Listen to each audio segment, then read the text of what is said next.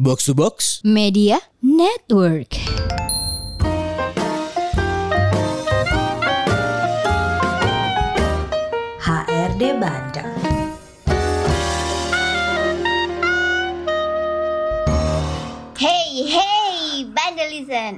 Gue mau bilang nih, pernah gak sih lo pada dapet email penolakan dari HRD yang sombong amat? Hei, yang opening tuh gue, kenapa lu yang opening? Emang lo yang opening dulu, bukan gue.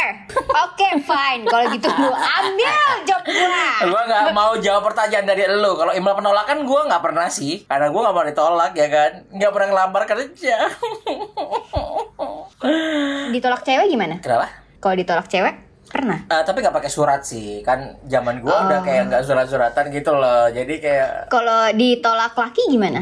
mohon maaf ditolak lagi kayaknya ditolak lagi saya nggak pernah mengajukan diri soalnya gimana nih Oh gitu ya. Iya. Aku pikir pernah. Apa sih yang mau lo tanyain dulu sama gue? Apa? Iya, ih, apa? lu sih bikin Tanya. salfok. Gua mau tanya nih kepada HRD yang berani-beraninya mengatakan Sombong. kata kayak gini. Wish you segera dapat kerjaan yakin supaya nggak jadi sampah masyarakat. Heh, enak aja. Ini pasti HRD Jaksel. Maksud gue, mohon maaf nih ya kan. Anda berarti bilang berani bilang eh, supaya nggak jadi sampah masyarakat. Anda sampah perusahaan. Oh, sa eh dibuang dong, Du. Kalau ada sampah, Iya jangan sih. disimpan. Ya kan nggak tahu sih? perusahaannya mungkin eh, pen- eh, perusahaan penampung sampah kan kagak nggak tahu. Oh iya benar juga siapa tahu dia perusahaan daur ulang Daur sampah. ulang bener. Eh, tapi berarti harusnya dia sim dia rekrut dong itu Maksudnya? karyawannya biar didaur ulang. Iyalah. Jadi ini Garing beneran. Ini Iya banget ya. Jadi ini sebenarnya ini cerita nyata dari sebuah eh, Twitter seseorang yang bilang kalau HRD-nya ini sombong banget bilang kayak seakan-akan si anak ini adalah sampah masyarakat gitu karena nggak diterima kerja. Maksud gue itu jahat banget sih ketika orang pengen ngelamar kerja menjadi bagian dari perusahaan dibilang sampah masyarakat. Dan menurut Hmm. gue juga HRD itu representatif dari perusahaan ketika lo ngomong kayak gitu. Gua course. jadi tahu gambarannya perusahaan lo kayak gimana. Belum mes- meskipun itu masih asumsi ya, tapi setidaknya Hmm. kalau HRD-nya oke, gue jadi kebayang nih, oh perusahaannya oke. HRD-nya buru-buru, wah perusahaan ini pasti ngeburu-buruin sesuatu. Kayak gitu-gitu loh. Hmm. Itu enggak Kalau HRD-nya PHP gimana, Du? kalau HRD PHP ya ya udahlah belajar ghosting aja sama dia. ya ngapain lagi lah.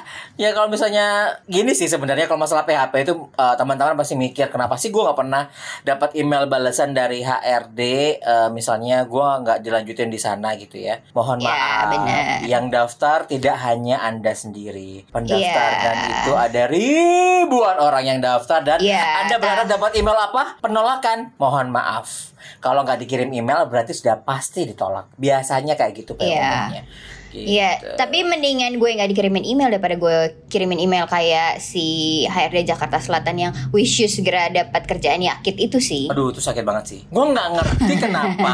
gue mikir, aduh, ada orang eh ya kayak enggak gini. enggak enggak sorry sorry sorry ini gue enggak enggak apa namanya enggak maksud ya untuk HRD HRD yang ada di daerah Jakarta Selatan cuma kan Enggak, enggak, maksudnya gayanya Sorry, sorry, bukan, tadi, bukan, gaya bukan. ngomong gue. Gayanya, Kayak yes. jaksa gitu ya. Munten nih, tadi demo lu ya kan. Siap-siap. iya ntar gue di demo lagi Siap-siap. padahal gue dulu juga HRD Jakarta Selatan Oh, maksudnya lu cerita pengalaman pribadi apa gimana? Mohon maaf. eh eh tapi itu bukan gue loh Terus aja di ini bulat terus ya. Tapi ini tadi ini sesuai dengan pengalaman gue. Jadi gue ng- nganggapnya adalah si SR ini adalah representatif dari perusahaan. Ketika dia menampilkan hal yang buruk, gue jadi mikir wah kalau HRD aja kayak gini, gue mikir perusahaan juga pasti akan buruk dong. Bener bener gak sih? Kalau uh, apakah gue salah juga menurut lo mal? Benar, karena menurut gua ya, kalau gue jadi HR gitu ya, ya gua kayak harus me- menggambarkan citra si perusahaan yang eh, ya gua berada di situ gitu kan ya. Walaupun misalnya gua gue cuma konsultan rekrutmennya doang, rekruternya doang eh, di project kan, ya tetap gue harus me- menggambarkan atau merasa presentasikan si perusahaan yang eh, apa namanya kerja sama sama gue gitu kan ya dong gitu nah dengan cara si HRD ini sombong banget dan yang gue baca juga si HRD ini juga memposting uh, jawaban dia itu di IG personalnya Du gitu kan? Dan itu kan jadi kayak dia show off ya kesombongannya itu gitu. Menurut gue itu terlalu berlebihan sih gitu. Dan uh, itu jauh banget dari maksud gue jauh banget dari uh, apa ya uh, apa kalau bisa dibilang? Kode etik atau Uh, apa? kode etik bener. Kode etik atau sopan santun kali ya. Uh, uh, sopan santun dalam berkomunikasi ala HRD gitu loh maksud gue. Ini nggak jauh banget gitu maksud gue. Nah to be honest kalau gue jadi apa ya namanya jadi calon karyawannya ya gue sih mungkin nggak akan bales lagi dan gue akan ba- malahan gue yang akan memblacklist itu perusahaan gitu Benar, benar, walaupun benar. nanti satu saat gue yang dipanggil gitu ya tapi kan kita juga punya hak Benar. gimana dong Jadi ini sih kalau berita buruk masyarakat itu akan mudah menceritakan daripada kabar baik ya kan. Kalau misalnya ada kejadian kayak gitu bisa jadi si orang ini bakal cerita ke banyak orang. Nah ini terjadi nih dia nge-share di Twitter terus akhirnya dia nge-share ke banyak orang. Mungkin nggak ketahuan nama perusahaannya apa tapi suatu saat dia ada orang yang tahu itu perusahaan apa dia pasti akan mikir ribuan kali ratusan kali buat masuk perusahaan itu. Bener. Nah, kalau gue eh apa namanya? Ini juga berkait nih, Endu. Eh, kan si HRD ini dia bilang karena ya si eh, apa namanya karyawannya ini emang nggak nggak ada pengalaman gitu kan ya. Ah, Nah, ada lagi di dari cerita lain eh, kayak gini. Karena cuma enam bulan gitu ya dia ini dari sisi si calon karyawan ya. Jadi dia di dia datang dipanggil interview sama HRD terus pas dia di interview sama si HRD HRD-nya ngomong gini ternyata HRD-nya menemukan kalau si karyawan ini ada satu pekerjaan yang dia cuma bertahan 6 bulan gitu. Terus si HRD ngomong gini wah kalau oh ini kayaknya kamu ada yang pekerjaannya cuma enam bulan ya gitu kan ya. Pengalamannya cuma enam bulan nih. Wah kalau kayak gini nih nggak bisa nih di perusahaan kita kita nggak bisa terima kamu gitu. Menurut lo kalau lo jadi si kandidat gimana dok? Di saat itu. Eh, mohon maaf ibu kenapa saya dipanggil ya kalau saya udah di CV tidak cocok kenapa saya dipanggil? Mohon maaf. Anda sudah baca CV saya atau belum nih? Mohon maaf punten ya kan? Iya kan? Itu iya, iya, itu iya. hal yang aneh sih. Benar benar benar. Jadi tapi kalau gue dari sisi HRD ngeliatnya gini dok. Eh, bisa jadi eh, s- ketika di eh, tapi kalau ngeliat dari eh, pengalaman si kandidat yang cerita ini ya gitu ya si orang yang bercerita ini berarti kan dia udah menampilkan si pengalaman itu juga yang pengalaman cuma enam bulan itu di di CV gitu kan ya. Benar. Jadi sampai dia bisa ngomong ya kenapa lo nggak baca dulu CV gue coy? gitu kan ya. Mm-mm. tapi kalau gue menemukan fakta di di luaran ya pengalaman pengalaman gue sebelumnya ada kandidat-kandidat yang kadang-kadang tuh suka bercanda duk Hmm. gue bilang suka bercanda gini dia tulis nih du- di di CV gitu ya eh, pengalaman di sini pengalaman di sini tapi nggak dikasih tahu berapa lama kerjanya. Jadi kayak jebakan Batman buat si HRD buat gue waktu itu. Pernah gue nemu gini gue gue misalnya gue akhirnya gue ngerasa oh nih eh, apa namanya pengalaman pengalaman sebelumnya di kantor-kantornya kantor-kantor yang gue tahu bonafit gitu ya yang bagus gitu ya Eh, kompetitor lah dari gue. Ketika gue panggil pas gue tanya oh iya pak. Boleh eh, pak atau bu gitu ya misalnya boleh cerita nggak? Ini eh, berapa bulan sih di kantor A gitu ya? Terus dia ngomong gini ya saya ada bu di situ sekitar eh, dia dan dia biasanya tuh kalau kalau kandidat kandidat yang jebakan Batman gini nih ceritanya muter-muter cuy gitu ya. Ya saya ada bekerja di sana sekitar eh, dari katakan dia bisa ngomong kayak gini Desember 2019 sampai Januari 2020 Mohon maaf itu cuma tiga bulan. Kesannya Anda bekerja setahun, cuma ganti tahun, tapi cuma tiga bulan. itu kejadian banget ya Itu kejadian dan menurut gue hal-hal yang kayak gitu juga jangan dilakukan dong guys. Kalau kalian lagi nyari kerja, jangan ngerjain HRD juga gitu. HRD, HRD ya ya di email HRD tuh ribuan, ratusan gitu loh maksud gue. Jadi kita benar-benar harus sort itu dengan secepat mungkin gitu ya. Dan ketika gue memanggil lo biasanya gitu ya, kalau dari sisi gue ya, kalau gue pengalaman pri- pribadi, gue nggak mau wasting time di kerjaan gue tapi gue juga nggak mau sebenarnya wasting time orang lain atau si kandidat gitu loh jadi ya sama-sama enak lah gitu Bantu lah ya, support, Yuki, mohon supportnya betul. kandidat gitu. betul Li. betul sekali Hmm, ini juga bisa macam-macam sih. Eh, pengetahuan tentang membuat CV-nya dia kurang bagus atau dia Hmm. memang pengen pengen mengelabui si HRD dengan pernyataan tahun tadi itu gitu. Jadi ya kalau HRD-nya teliti sih ya udah tahu ya kalau itu tiga bulan. Kalau nggak teliti oh ya setahun gitu loh jadinya. harusnya Nah, tapi HRD setahu gue sih sangat teliti ya. Mohon maaf HRD enggak, untuk enggak, enggak, mencari kesalahan kalian guys. Enggak sih. Maksudnya di- dilatih dilatih buat teliti maksudnya. Karena memang kerjaannya kan detail banget nih HRD harus memastikan banyak hal. Banyak hal di HRD juga eh, nggak semuanya satu orang dilimpahin semuanya. Misalnya kayak yang mau interview lo itu bukan yang menghubungi sebelumnya bukan orang itu biasanya. Misalnya yang datang yang pas lo datang yang interview malah yang telepon itu adalah Mali gitu. Jadi Mm-mm. belum tentu si Mala yang telepon gitu bisa si Mali itu gitu karena memang tugasnya Ma- tugasnya si Mala adalah interview lo, uh, asesmen lo, ngecari tahu apakah lo uh, cocok sama perusahaan. Tapi yang ngehubungi, yang ngatur jadwal itu ada bagian lain uh, admin HR kalau nggak salah namanya itu yang biasanya ngedatain jadwal, terus dia ngecekin uh, siapa kira-kira uh, yang bisa interview si orang HR-nya kayak gitu-gitu. Jadi kalau misalnya lo juga cuma sekali mikir bahwa ya lo jangan eh, emang lo belum baca CV gue ya belum tentu baca karena yang ngehubungin betul. eh, lo itu bukan si dia tadi gitu. Karena kayak misalnya gini ya kayak gue sama uh, katakan gue kerja waktu itu di eh, di kantor kita tim gitu ya. Tim gue berempat gitu. Misalnya eh gue gue yang ngecek sendiri nih. Walaupun misalnya kerjaan gue adalah gue yang scanning sendiri eh, untuk eh, orang-orang yang emang gue butuhin gitu ya. Tapi dalam eh, kenyataannya ketika lo harus eh, eh, si kandidat ini gue panggil untuk interview atau untuk psikotes atau assessment gitu ya ternyata di hari H gue berhalangan untuk melakukan interview. Mau nggak mau gue akan delegasi dong ke temen gue gue akan minta tolong dong ke temen gue yang in- yang eh, bisa bertugas di hari itu untuk interview eh, si kandidat A gitu kan ya.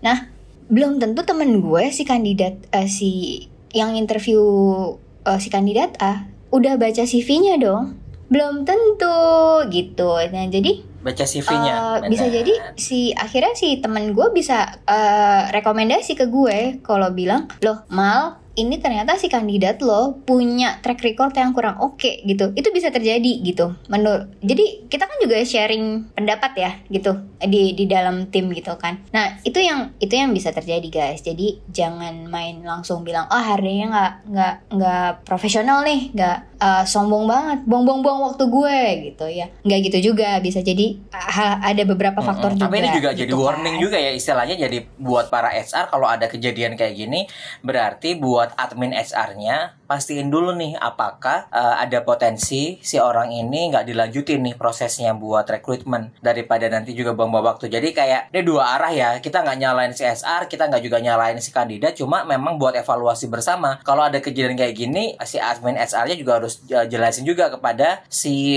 interviewernya supaya tidak jadi kesalahan. Dan menurut gue, gue gak ngerti ya mal ya.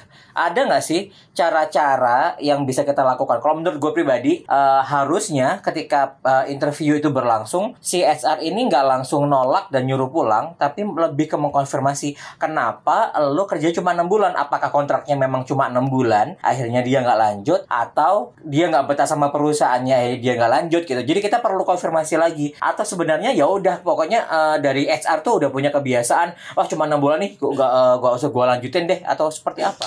Ada Du, jadi kalau eh, dulu kita, gue mungkin sedikit kasih gambaran ya ke teman-teman yang bukan HRD. Jadi biar bisa bisa tahu juga nih, oh ini ini toh yang terjadi terjadi ketika gue eh, ngelamar kerja gitu ya. Sedikit gue kasih tahu, kenapa sih kalian di CV dari CV aja kita nggak nggak panggil misalnya, nggak bahkan nggak kita panggil gitu ya, nggak masuk gitu. Satu, kadang-kadang HR in eh, bukan kadang-kadang banyak sekali perusahaan dan salah satunya adalah gue sebagai HR kami juga merasa uh, worry gitu ya khawatir sama orang yang orang yang kutu loncat. Kenapa kita bilang kutu loncat? Biasanya mereka cuma enam bulan setahun paling lama setahun setengah eh, tiga bulan kayak gitu. Banyak sih pengalamannya di, dikatakan di 10 perusahaan gitu tapi cuma setahun setahun setahun itu jadi tanda tanya. Sangat sangat gede question marknya. Duh, gitu. Bukannya uh, negative thinking ya? Enggak. Tapi ya gue ngerekrut orang juga bukan cuma pengen ada di saat itu tapi menetap. Dan gue juga punya budget untuk rekrutmen. Jadi kalau misalnya gue panggil orang terus itu wasting uh, time gue juga terus kalau gue ikutin dia psikotes itu wasting budget gue juga gitu ya. Ya buat apa mendingan ya udah gue singkirin aja dibanding gue uh, bany lebih banyak kuisnya dibanding benefitnya buat gue gitu loh. Itu satu. Kemudian ketika kalau misalnya sampai katakan uh, gue tahu nih misalnya oh nih kok dia setahun satu tahun setengah dua tahun gitu ya. Uh, kerjanya kayak gitu terus gitu. Gue akan lihat dia bekerja di mana dok gitu. Ada beberapa perusahaan yang memang menggunakan sistem kerja itu kontrak satu tahun, satu tahun setengah, dua tahun. HRD pasti punya pengetahuan ini gitu ya. Apalagi rekruter. Biasanya kita eh, orang-orang rekruter tuh biasanya keponya tingkat dewa. Makanya itu aku bilang tadi kan, kayak tadi uh, bakal lebih detail gitu dibiasakan tuh detail karena Iya, gitu. Kekepoan tuh dibangun memang udah di, kekepoan itu memang dibangun. Iya, yes, kekepoan itu memang kita di kita la, di kita latih gitu ya. Jadi kita kepo itu kita latih gitu kan ya. Nah, terus gue uh, biasanya kita akan kepo nih. Oh, nih perusahaan A katakan. Oh, emang mereka punya standar untuk uh, kontrak orang tuh dua tahun. Uh, abis itu mereka cut mereka selesaiin ganti orang baru. Selalu kayak gitu. Ada perusahaan yang dia maunya selalu per dua tahun regenerasi karyawan. Whatever will be di perusahaannya dia bakal kayak gitu gitu jadi terserah di perusahaan gue mau selalu uh, ulang lagi dari awal tapi maunya kayak gitu. Ada yang kayak gitu tapi ada juga yang mau uh, perusahaan tertentu yang mau karyawan ini sebenarnya punya engagement lebih panjang gitu kerjanya. Masanya kayak lima tahun, 10 tahun gitu karena mereka develop orang gitu ya. Nah, kalau kayak gitu kejadiannya itu berarti kan kita bisa lihat dong dari CV lo kok lo ada di perusahaan yang sebenarnya mereka mereka adalah mendevelop orang tapi kenapa lo cuma setahun jadi pertanyaan kan gitu nah kalau gue jadi HR kadang-kadang nggak langsung ya udah gue singkirin aja CV-nya berarti ini orang nggak bagus atau dia bermasalah nggak juga. Kadang-kadang gue akan prefer telepon dulu deh. Kalau emang itu perusahaan bener-bener bagus ya. Gue akan telepon uh, gue tanya gue aja ngobrol kepo lah kepo-kepo gitu dikit-dikit. Kalau gue masih gue ngerasa ada sinyal positif kayaknya cukup bagus tapi mungkin dia nggak cocok aja sama budaya di sana gue panggil gue interview. Biar gue bisa ngobrol lebih dalam ada apa sebenarnya sama pengalaman kerja dia di sana. Kayak gitu jadi eh, nggak selalu juga si orang-orang yang dikatakan kutu loncat tadi itu nggak bakal bisa dapat kerjaan sebenarnya. Nah, ini gitu. dia yang sebenarnya kita mau garis bawain bahwa kalau lu ngerasa kayak gue harus bertahan di perusahaan ini deh biar setahun dulu ya kan biar setahun dulu biar nanti track record gue di CV itu bagus ya nggak selamanya juga gitu percuma juga ketika lu bertahan di perusahaan itu tapi pertama lu nggak sehat lu nyakitin diri lu sendiri uh, yang kedua lu sebenarnya memang nggak uh, fit sama si organisasi karena salah satu kebutuhan kita sebagai pegawai adalah kita sudah fit sama organisasi. Misalnya fit itu gimana sih Nduk? Misalnya gini. Kalau misalnya lu tujuannya adalah money lo ada adalah ngumpulin duit dan tempat kerja lo ini berpotensi bikin lo kaya dengan waktu yang cukup singkat gitu ya. Berarti itu kan goal goal dirimu gitu ya guys. Uh, jadi ya itu cocok sama lo gitu uh, organisasinya fit banget. Tapi beda lagi sama tipikal orang, ada juga yang mereka mereka mencari perusahaan yang bisa membantu mereka mengembangkan diri gitu. Ketika mereka udah merasa oh gue udah nggak berkembang lagi di sini, udah mulai gitu-gitu aja hidup gue, nggak ada sesuatu yang gue pelajarin lagi, dia akan pindah tempat. Itu ada yang kayak gitu. Gitu. Jadi kayak apa ya? Memang nggak bisa langsung sadar bahwa kita tuh fit atau nggak sama si organisasi. Tapi saat lo punya pengalaman kerja, lo akan ngerasain sendiri. Oh sebenarnya tujuan gue itu adalah duit tujuan gua itu adalah pengalaman. Tujuan gua adalah sosial misalnya. Itu ada sendiri sendiri kalau misalnya lu ada, adalah orang sosial lu kerjanya di organisasi yang sangat money oriented misalnya gitu ya yang benar-benar nyari keuntungan banget lu pasti ngerasa nggak nyaman karena lu akan di pressure dan sebagainya sedangkan orang sosial tuh tipikalnya adalah uh, dia memiliki ide kreatif dia mencoba sesuatu dia uh, bertemu dengan orang suka bertemu sama orang kayak gitu gitu loh jadi Ya biasanya orang-orang dedikasi tanpa batas. Nah itu biasanya. Ini uh, lo harus ngerasain juga uh, ngerasain sendiri. Sebenarnya lo tuh fit sama perusahaan seperti apa. Dan boleh kok kalau kalau lo sendiri malah ngerasa kayak ah gue nggak fit sama perusahaan ini. Padahal lo diterima di perusahaan itu. Lo tolak juga nggak apa-apa gitu. Lo nggak harus mengambil pekerjaan itu. Cuma karena fenomenanya sekarang ini banyak kan orang nggak punya kerjaan biasanya. Udah deh gue kerja dulu di sini gitu. Kalau gue nggak cocok ntar gue cabut gitu. Jadi begitu Ya, fenomenanya. benar. Gitu Jadi kalau gue eh, bisa bilang eh, eh, HRD ini juga sebenarnya perlu lebih fleksibel, Nduk. Kenapa gue bilang fleksibel? Karena kita nggak bisa monoton ngelihat eh, pengalaman di masa sebelumnya ya. Orang-orang orang-orang zaman dulu itu biasanya akan bilang gini, gue akan lebih prefer orang-orang yang bisa stay lama gitu. Tapi pada kenyataannya saat ini orang-orang muda milenial ini mereka mereka ini orang-orang yang challenging gitu. Orang-orang yang mobile dan mereka akan ngerasa kalau ah gue udah selesai nih tantangannya di sini nggak ada lagi. Gue cabut ah gitu. Gue cabut ah ke sana. Gue cabut ah ke sana dengan dengan banyak pertimbangan gue bisa naik eh, posisi lebih cepat atau gue dapat gaji lebih tinggi lagi gitu. Nah itu yang perlu kita eh, jadi HRD juga pikirin gitu menurut gue. Jadi ini kalau misalnya ada teman-teman HRD yang mungkin baru ya, terus lo di di di brainwash sama eh, orang lama, kalau ya lo cari yang eh, stay-nya lama-lama ya nggak gitu juga. Kita harus open mind. Keadaan saat ini tuh di pasar eh, pencari kerja tuh kayak apa sih trennya gitu. Jadi jangan sampai kita nutup mata juga gitu. Kalau oh ternyata tuh pasar pencari kerja tuh sekarang ya iya emang lagi kayak gini udah berubah gitu. Oh ternyata ternyata tuh trennya mereka activity-nya mereka habitualnya mereka tuh udah berubah kebutuhannya mereka tuh berubah gitu. Itu yang perlu kita yang perlu kita jadi HRD juga harus lebih aware gitu sih sebenarnya. Kalau kalau gua dari sisi kacamata HRD ya gitu. Tapi kalau ya bener. Tapi kalau gue dari kacamata gue jadi jadi eh, pencari kerja ya to be honest gue akan jujur di CV gue apa adanya berapa lama sih gue kerja jadi gue mempermudah HRD juga untuk melihat gue sama ketika gue bekerja ya let's say gitu gue akan mencoba bertahan di waktu yang memang itu eh, setahun gitu. Atau lebih dari setahun. Gitu sih sebenarnya. Untuk gue tahu sebenarnya oh ini budayanya gini ya ritme kerjanya kayak gini ya. Oh ternyata perusahaan tujuannya kayak gini ya. Kayak gitu sih. Iya tapi orang beda ya. Karena gue juga pernah mengalami Gue cuma kerja tiga bulan kok guys. Gak usah sedih. Gue juga 4 bulan juga pernah.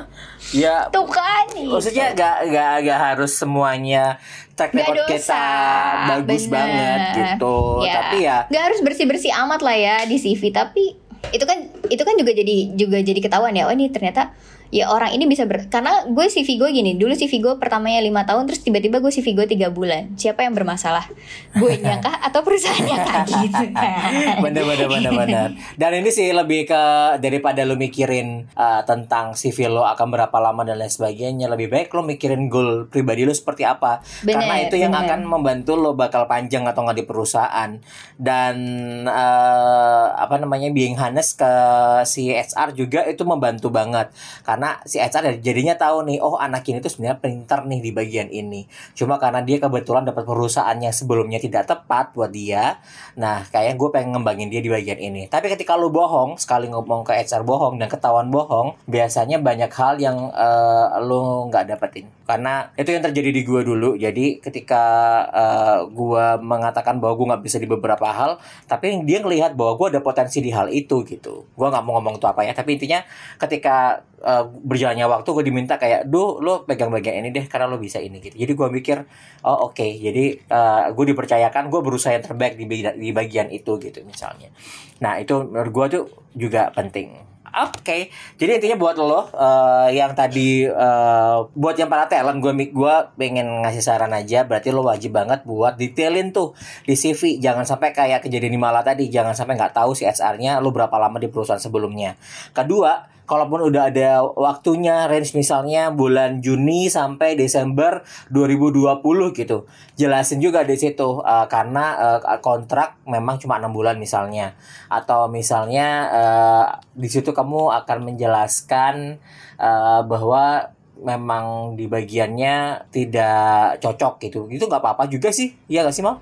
Betul, boleh. Karena gini, kadang uh, ada mungkin gini ya guys, HRD itu belum tentu yang kayak tadi gue bilang ya, HRD itu ada yang mungkin kayak kayak gue keponya tingkat tinggi. Kadang-kadang gue bisa tuh telepon ke atau mencari di Google atau gue bahkan telepon outsourcingnya atau gue telepon HR di perusahaan lamanya. Kontrak lo berapa lama sih? Biasanya gitu kayak gitu. Tapi ada yang HRD nggak kayak gitu gitu ya. Uh, atau kalau gue kadang-kadang jadi HR tuh suka gini gue datang nih ke satu tempat gue ajak ngobrol misalnya bartendernya. Kenapa? Gue tanya misalnya bartendernya lu di kontrak berapa lama sih? Sistem kerja lo kayak gimana? Itu gue ajak ngobrol. Itu HR jadi gue seneng banget kayak gitu. Tapi ada HR HR yang nggak kayak gitu. Jadi mereka nggak nggak terbuka gitu ya. Mereka nggak tahu nih sebenarnya. Kalau sekarang berarti tipsnya buat HR apa dong? tipsnya buat HR perbanyak gaul guys. Asli perbanyak gaul. Gue tuh dulu udah kayak kayak mata-mata atau nggak? Kayak spy. Jadi gue kadang-kadang bisa tiba-tiba deketin supervisor yang itu tuh yang tulisannya M itu atau yang kakek-kakek tua itu gitu ya. Atau uh, si logo ijo gitu atau apa aja. Atau kayak misalnya let's say gue lagi ke salon sama terapisnya gue ngobrol lo kayak gimana sistem kerja lo kontrak lo berapa lama? Gue obrolin semuanya. Itu ngebantu banget nambah wawasan ya. asli. Jadi jangan lo malu. Even gue dulu ngobrol sama siapa? Security OB juga gue Wow, ngobrol di mana? Jadi kayak gue bener-bener butuh tahu gitu. Oh lo outsourcing ini pak. Itu kerjanya kayak gimana sih Eh, sistemnya apa di kantornya di mana sih? Kepo abis. Tapi itu yang bagus malah ya, malah kebantu lo ya. ya jadi itu ngebantu gue kayak gue oh ya udah gue tahu gue tahu di sini gue tahu di sini. Ketika gue ngeliat CV oh nih kantor yang waktu itu gue pernah ngobrol nih orangnya kayak gini gitu loh. Jadi ya buat jadi HRD kepo untuk informasi perbanyak kayak kayakan diri lo dengan informasi dan pengetahuan di dunia SR. Kita. Yes. Kedua dari gua jangan lupa konfirmasi karena lo nggak bisa asumsi bahwa si talent talent lo ini bakal eh, sesuai atau enggak. Jadi lo harus eh, apa konfirmasi ke dia memastikan lagi apakah sudah sesuai dengan keinginan dari perusahaan lo juga. Biar gak kejadian tuh kayak HRD sombong.